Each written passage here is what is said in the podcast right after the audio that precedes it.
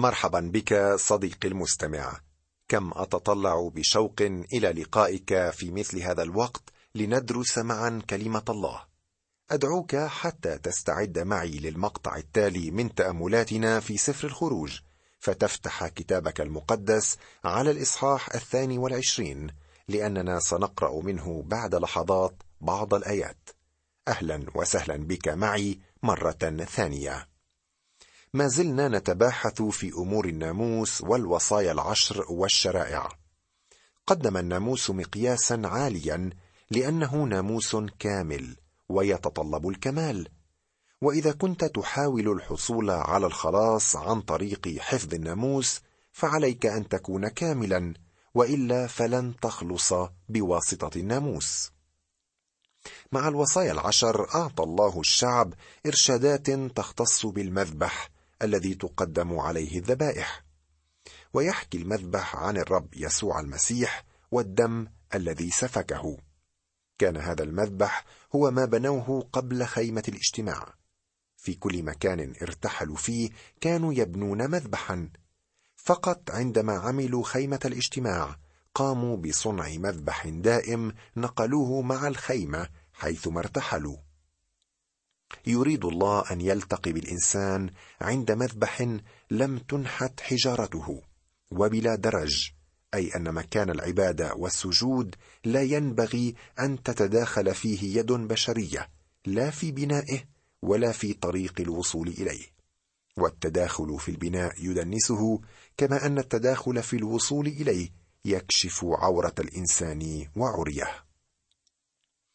رأينا في الإصحاح الحادي والعشرين من الخروج بعض التشريعات الاجتماعية وهي هامة جدا للشعب لأنهم عاشوا في مصر حياة العبودية وليس تلك الحياة الاجتماعية الكريمة.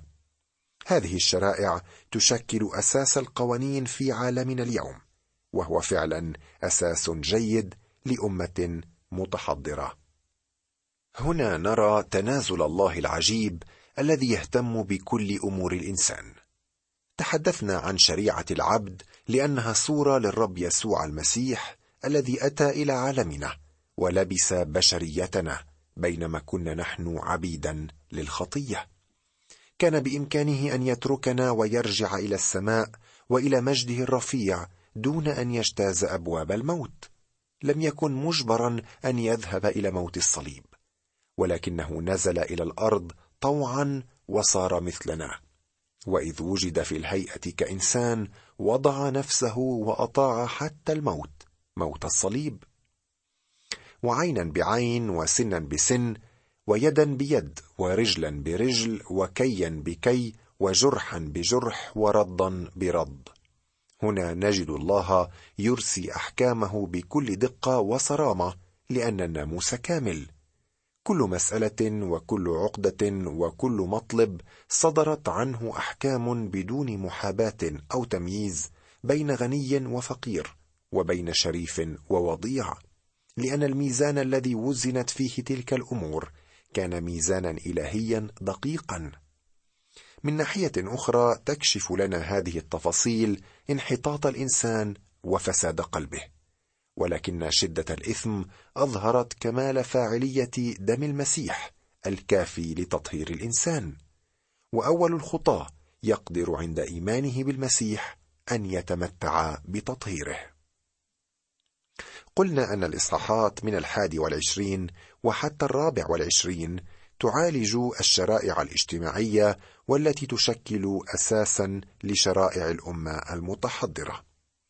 هناك من يطرح السؤال التالي. ما هو الصواب وما هو الخطأ؟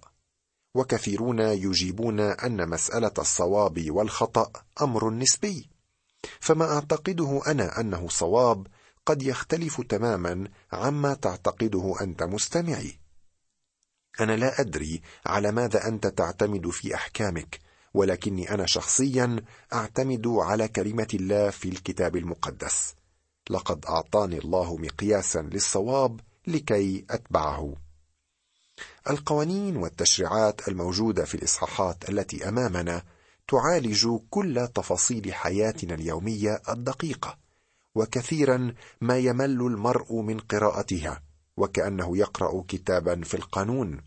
ولكن هذه الأحكام أساس قوانيننا وموجودة لحماية حياتنا وممتلكاتنا. نقرأ من الأصحاح الثاني والعشرين بعض الآيات المتفرقة. إذا سرق إنسان ثورا أو شاة فذبحه أو باعه يعوض عن الثور بخمسة ثيران وعن الشاه بأربعة من الغنم. إن وجد السارق وهو ينقب فضرب ومات فليس له دم. ولكن إن أشرقت عليه الشمس فله دم. إنه يعوض إن لم يكن له يبع بسرقته. إذا رعى إنسان حقلا أو كرما وسرح مواشيه فرعت في حقل غيره فمن أجود حقله وأجود كرمه يعوض. إذا خرجت نار وأصابت شوكا فاحترقت أكداس أو زرع أو حقل فالذي أوقد الوقيد يعوض. وإذا راود رجل عذراء لم تخطب فاضطجع معها يمهرها لنفسه زوجة. إن أبى أبوها أن يعطيه إياها يزن له فضة كمهر العذارى. لا تدع ساحرة تعيش. كل من اضطجع مع بهيمة يقتل قتلا. من ذبح لآلهة غير الرب وحده يهلك. ولا تضطهد الغريب ولا تضايقه لأنكم كنتم غرباء في أرض مصر. لا تسيء إلى أرملة ما ولا يتيم إن أسأت إليه فإني إن صرخ إلي أسمع صراخه فيحمى غضبي وأقتلكم بالسيف فتصير نساؤكم أرامل وأولادكم يتامى. إن أقرضت فضة لشعب الفقير الذي عندك فلا تكن له كالمرابي لا تضع عليه ربا إن ارتهنت ثوب صاحبك فإلى غروب الشمس ترده له. إذا سرق إنسان ثورا أو شاة فذبحه أو باعه يعوض عن الثور بخمسة ثيران وعن الشاة بأربعة من الغنم. لا أستطيع أن أخبرك لماذا يعوض عن الثور بخمسة ثيران وعن الشاة بأربعة منها. ومع ذلك فإن زكى العشار في العهد الجديد استخدم نفس هذا المبدأ. فوقف زكى وقال للرب ها أنا يا رب أعطي نصف أموالي للمساكين وإن كنت قد وشيت بأحد أرد أربعة أضعاف. كان يستخدم ناموس موسى. وقانون اليوم يخبرنا أنه إذا دمرنا ممتلكات شخص آخر فعلينا أن ندفع ثمن الضرر أو نصلح الخراب. ولكن قانون الله أفضل لأنه لو كنا نعلم أننا سنعوض عن الضرر أربعة أضعاف لفكرنا أربعين مرة. قبل أن نحدث الضرر. الطبيعة البشرية ما زالت كما هي منذ البداية والله يتعامل مع الإنسان بما هو أفضل له. إن وجد السارق وهو ينقب فضرب ومات فليس له دم. هذا القانون يعطيك حق حماية نفسك. يحكى عن رجل دخل بيته سارق فقام بإطلاق النار دفاعا. ولكن المحكمة حكمت للص بالتعويض عن الضرر الذي ألحقه به مالك البيت. هل هذا معقول؟ الله لا يمكن أن يسمح بذلك في تشريعاته، ولكن في أيامنا هذه هناك تشديد على حماية حقوق المذنب على حساب حقوق البريء. يا له من عالم انقلبت موازينه فعلا. قانون الله يحمي ممتلكات الإنسان وبيته. وهذا يعطي الحق للإنسان للدفاع عن نفسه وممتلكاته وأحبائه. لو تبعت البشرية أحكام الله الموجودة في سفر الخروج لما واجهنا اليوم المشاكل الهائلة التي نراها في الشوارع والمدن.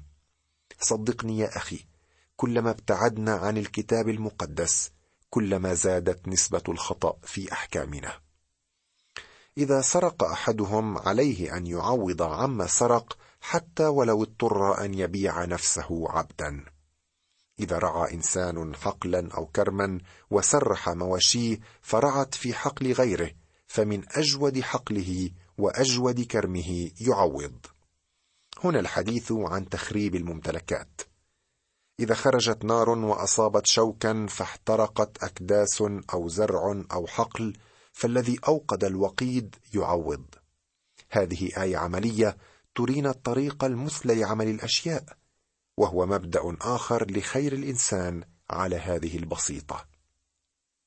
إذا راود رجل عذراء لم تخطب فاضطجع معها يمهرها لنفسه زوجه.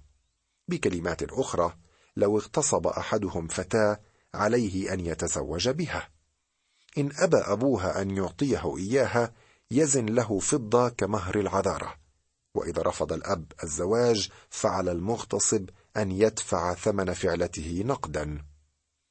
لا تدع ساحرة تعيش.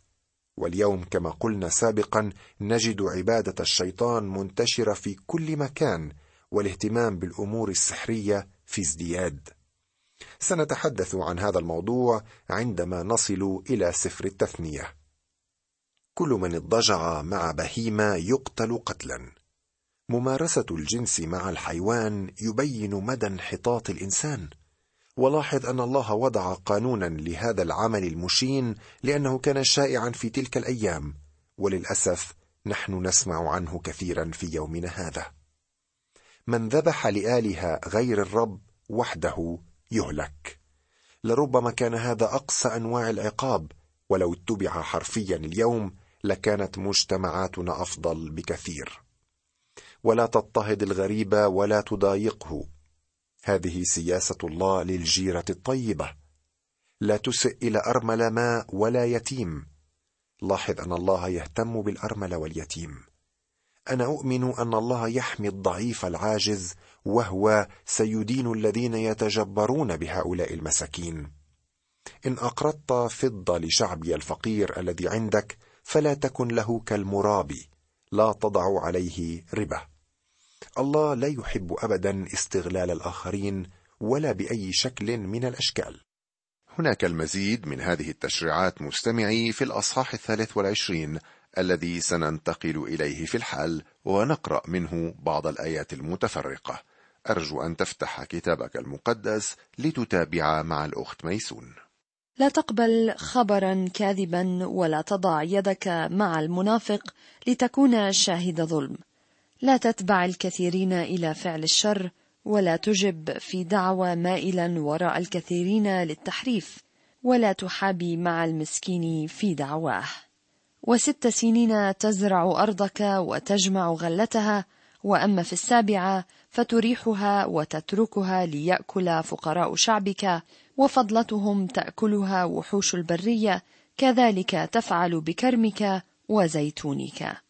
ثلاث مرات تعيد لي في السنة تحفظ عيد الفطير تأكل فطيرا سبعة أيام كما أمرتك في وقت شهر أبيب لأنه فيه خرجت من مصر ولا يظهر أمامي فارغين. وعيد الحصاد أبكار غلاتك التي تزرع في الحقل وعيد الجمع في نهاية السنة. عندما تجمع غلاتك من الحقل. ثلاث مرات في السنة يظهر جميع ذكورك أمام السيد الرب. ها أنا مرسل ملاكا أمام وجهك ليحفظك في الطريق وليجيء بك إلى المكان الذي أعددته. احترز منه واسمع لصوته ولا تتمرد عليه لأنه لا يصفح عن ذنوبكم لأن اسمي فيه. فإن ملاكي يسير أمامك ويجيء بك إلى الأموريين والحثيين والفرزيين والكنعانيين والحويين واليبوسيين فأبيدهم. أرسل هيبتي أمامك وأزعج جميع الشعوب الذين تأتي عليهم وأعطيك جميع أعدائك مدبرين. لا تقطع معهم ولا مع آلهتهم عهدا. لا يسكنوا في أرضك لئلا يجعلوك تخطئ إلي. إذا عبدت آلهتهم فإنه يكون لك فخا. لا تقبل خبرا كاذبا ولا تضع يدك مع المنافق لتكون شاهد ظلم. كن حذرا فيما تقول يا صديقي. هذا قانون الله للسلوك. إن النمام هو كالقاتل والسارق والزاني. أما في مجتمعنا فإن النمام يفلت بدون مشكلة. لا تتبع الكثيرين إلى فعل الشر. لو طبقنا هذه الوصية لا تتبع الكثيرين إلى فعل الشر لما اشتركنا في المظاهرات وأعمال الشغب كما أنها ستخلص المجتمع من مشكلة العصابات. ولا تحابي مع المسكين في دعواه. يجب أن يتم الحكم الصحيح بمنأ عن حالة الإنسان الاجتماعية حتى يكون عدل. وقد صدق الرومان في تصويرهم للعدالة بصورة امرأة حنونة ولكنها عمياء لا تعرف المحاباة كما أنها تحمل سيفا في يد لتتميم القضاء وتنفيذ الأحكام وميزانا في اليد الأخرى لإظهار العدالة. مرة أخرى يعطي الله للشعب الشريعة المختصة بالسبت والسنة السبتية. وست سنين تزرع أرضك وتجمع غلتها وأما في السابعة فتريحها وتتركها ليأكل فقراء شعبك وفضلتهم تأكلها وحوش البرية. كذلك تفعل بكرمك وزيتونك. وسيراجع الرب هذه الشريعة مع الشعب حالما يدخلون الأرض. أما موضوع السبت والسنة السبتية فستعالج في سفر اللاويين. باختصار أقول أن السبت هو اليوم السابع في الأسبوع وهو يوم راحة. السنة السبتية هي السنة السابعة التي فيها تستريح الأرض من الفلاحة. ثلاث مرات في السنة يظهر جميع ذكورك أمام السيد الرب. كان على كل ذكور العبرانيين أن يظهروا أمام الرب ثلاث مرات في السنة وكان يوجد ثلاثة أعياد للاحتفال. عيد الفصح الذي يحيي ذكرى الحفاظ على الشعب من ضربة الأبكار وإخراجهم من العبودية. عيد الخمسين وعيد المظال. ها أنا مرسل ملاكا أمام وجهك ليحفظك في الطريق وليجيء بك إلى المكان الذي أعددته. احترز منه واسمع لصوته ولا تتمرد عليه لأنه لا يصفح عن ذنوبكم لأن اسمي فيه. من هو هذا الملاك الذي سيقوم؟ فقرات أخرى من الكتاب المقدس تلقي الظلال على الجواب. تقول رسالة كورنثوس الأولى وجميعهم شربوا شرابا واحدا روحيا لأنهم كانوا يشربون من صخرة روحية تابعتهم والصخرة كانت المسيح. ثم يتابع بولس ويقول في نفس الرسالة ولا نجرب المسيح كما جرب أيضا أناس منهم فأهلكتهم الحيات. ولا تتذمروا كما تذمر أيضا أناس منهم فأهلكهم المهلك. كان عليهم أن يطيعوا الرب يسوع وهو المذكور في هذه الآية من سفر الخروج. فإن ملاكي يسير أمامك ويجيء بك إلى الأموريين والحثيين والفرزيين والكنعانيين والحويين واليبوسيين فأبيدهم. قال الله للشعب أنه مزمع أن يطرد الأعداء من الأرض بسبب خطاياهم. والآن يقول لهم الرب ارسل هيبتي أمامك وأزعج جميع الشعوب الذين تأتي عليهم وأعطيك جميع أعدائك مدبرين. كان الله يريد أن يدخلهم إلى الأرض. ثم يقول لا تقطع معهم ولا مع آلهتهم عهدا. لا يسكن في أرضك لئلا يجعلوك تخطئ إلي. إذا عبدت آلهتهم فإنه يكون لك فخا. كان على أبناء الشعب ألا يصنعوا عهودا مع سكان الأرض أو آلهتهم. صديقي في الختام أحب أن أشاركك ما قاله أحد مفسري الكتاب عن هذه الأحكام. لو قصدت أن أتوسع في شرع بقية الأحكام والتعليق على ما جاء فيها لاستغرق ذلك مني متسعا من الصفحات أكثر مما قصدت في الوقت الحاضر أن أملأه. ولكني أقول أنه يستحيل على الإنسان أن يأتي على قراءة هذه الفصول عن آخرها إلا ويعجب ويخشع أمام حكمة الله العميقة وعدله الكامل. ويرى كيف أن رحمته أيضا كانت تتخلل تلك الأحكام ظاهرة في كل سطر من سطورها. فلا يصل إلى آخر كلمة من كلمات هذه الفصول إلا وفي نفسه تأثير شديد واقتناع قلبي أن المتكلم هنا ما هو إلا ذلك الإله الحقيقي وحده المتناهي في اللطف والإحسان ليعطنا الرب أن تقودنا مطالعة كلمته دائما إلى أن ننحني خشوعا وتعبدا. لذاك الذي تظهر فيه طرقه الكاملة وصفاته المجيدة بكل مجد وضياء لتعزية وبنيان وإنعاش نفوس شعبه المشترى بالدم. نعم مستمعي أرجو أن تشجع نفسك هذه الأحكام لتلتصق بالرب وتتمتع به أكثر. أتركك الآن على أمل اللقاء مصليا أن تدوم في حفظ الله ورعايته.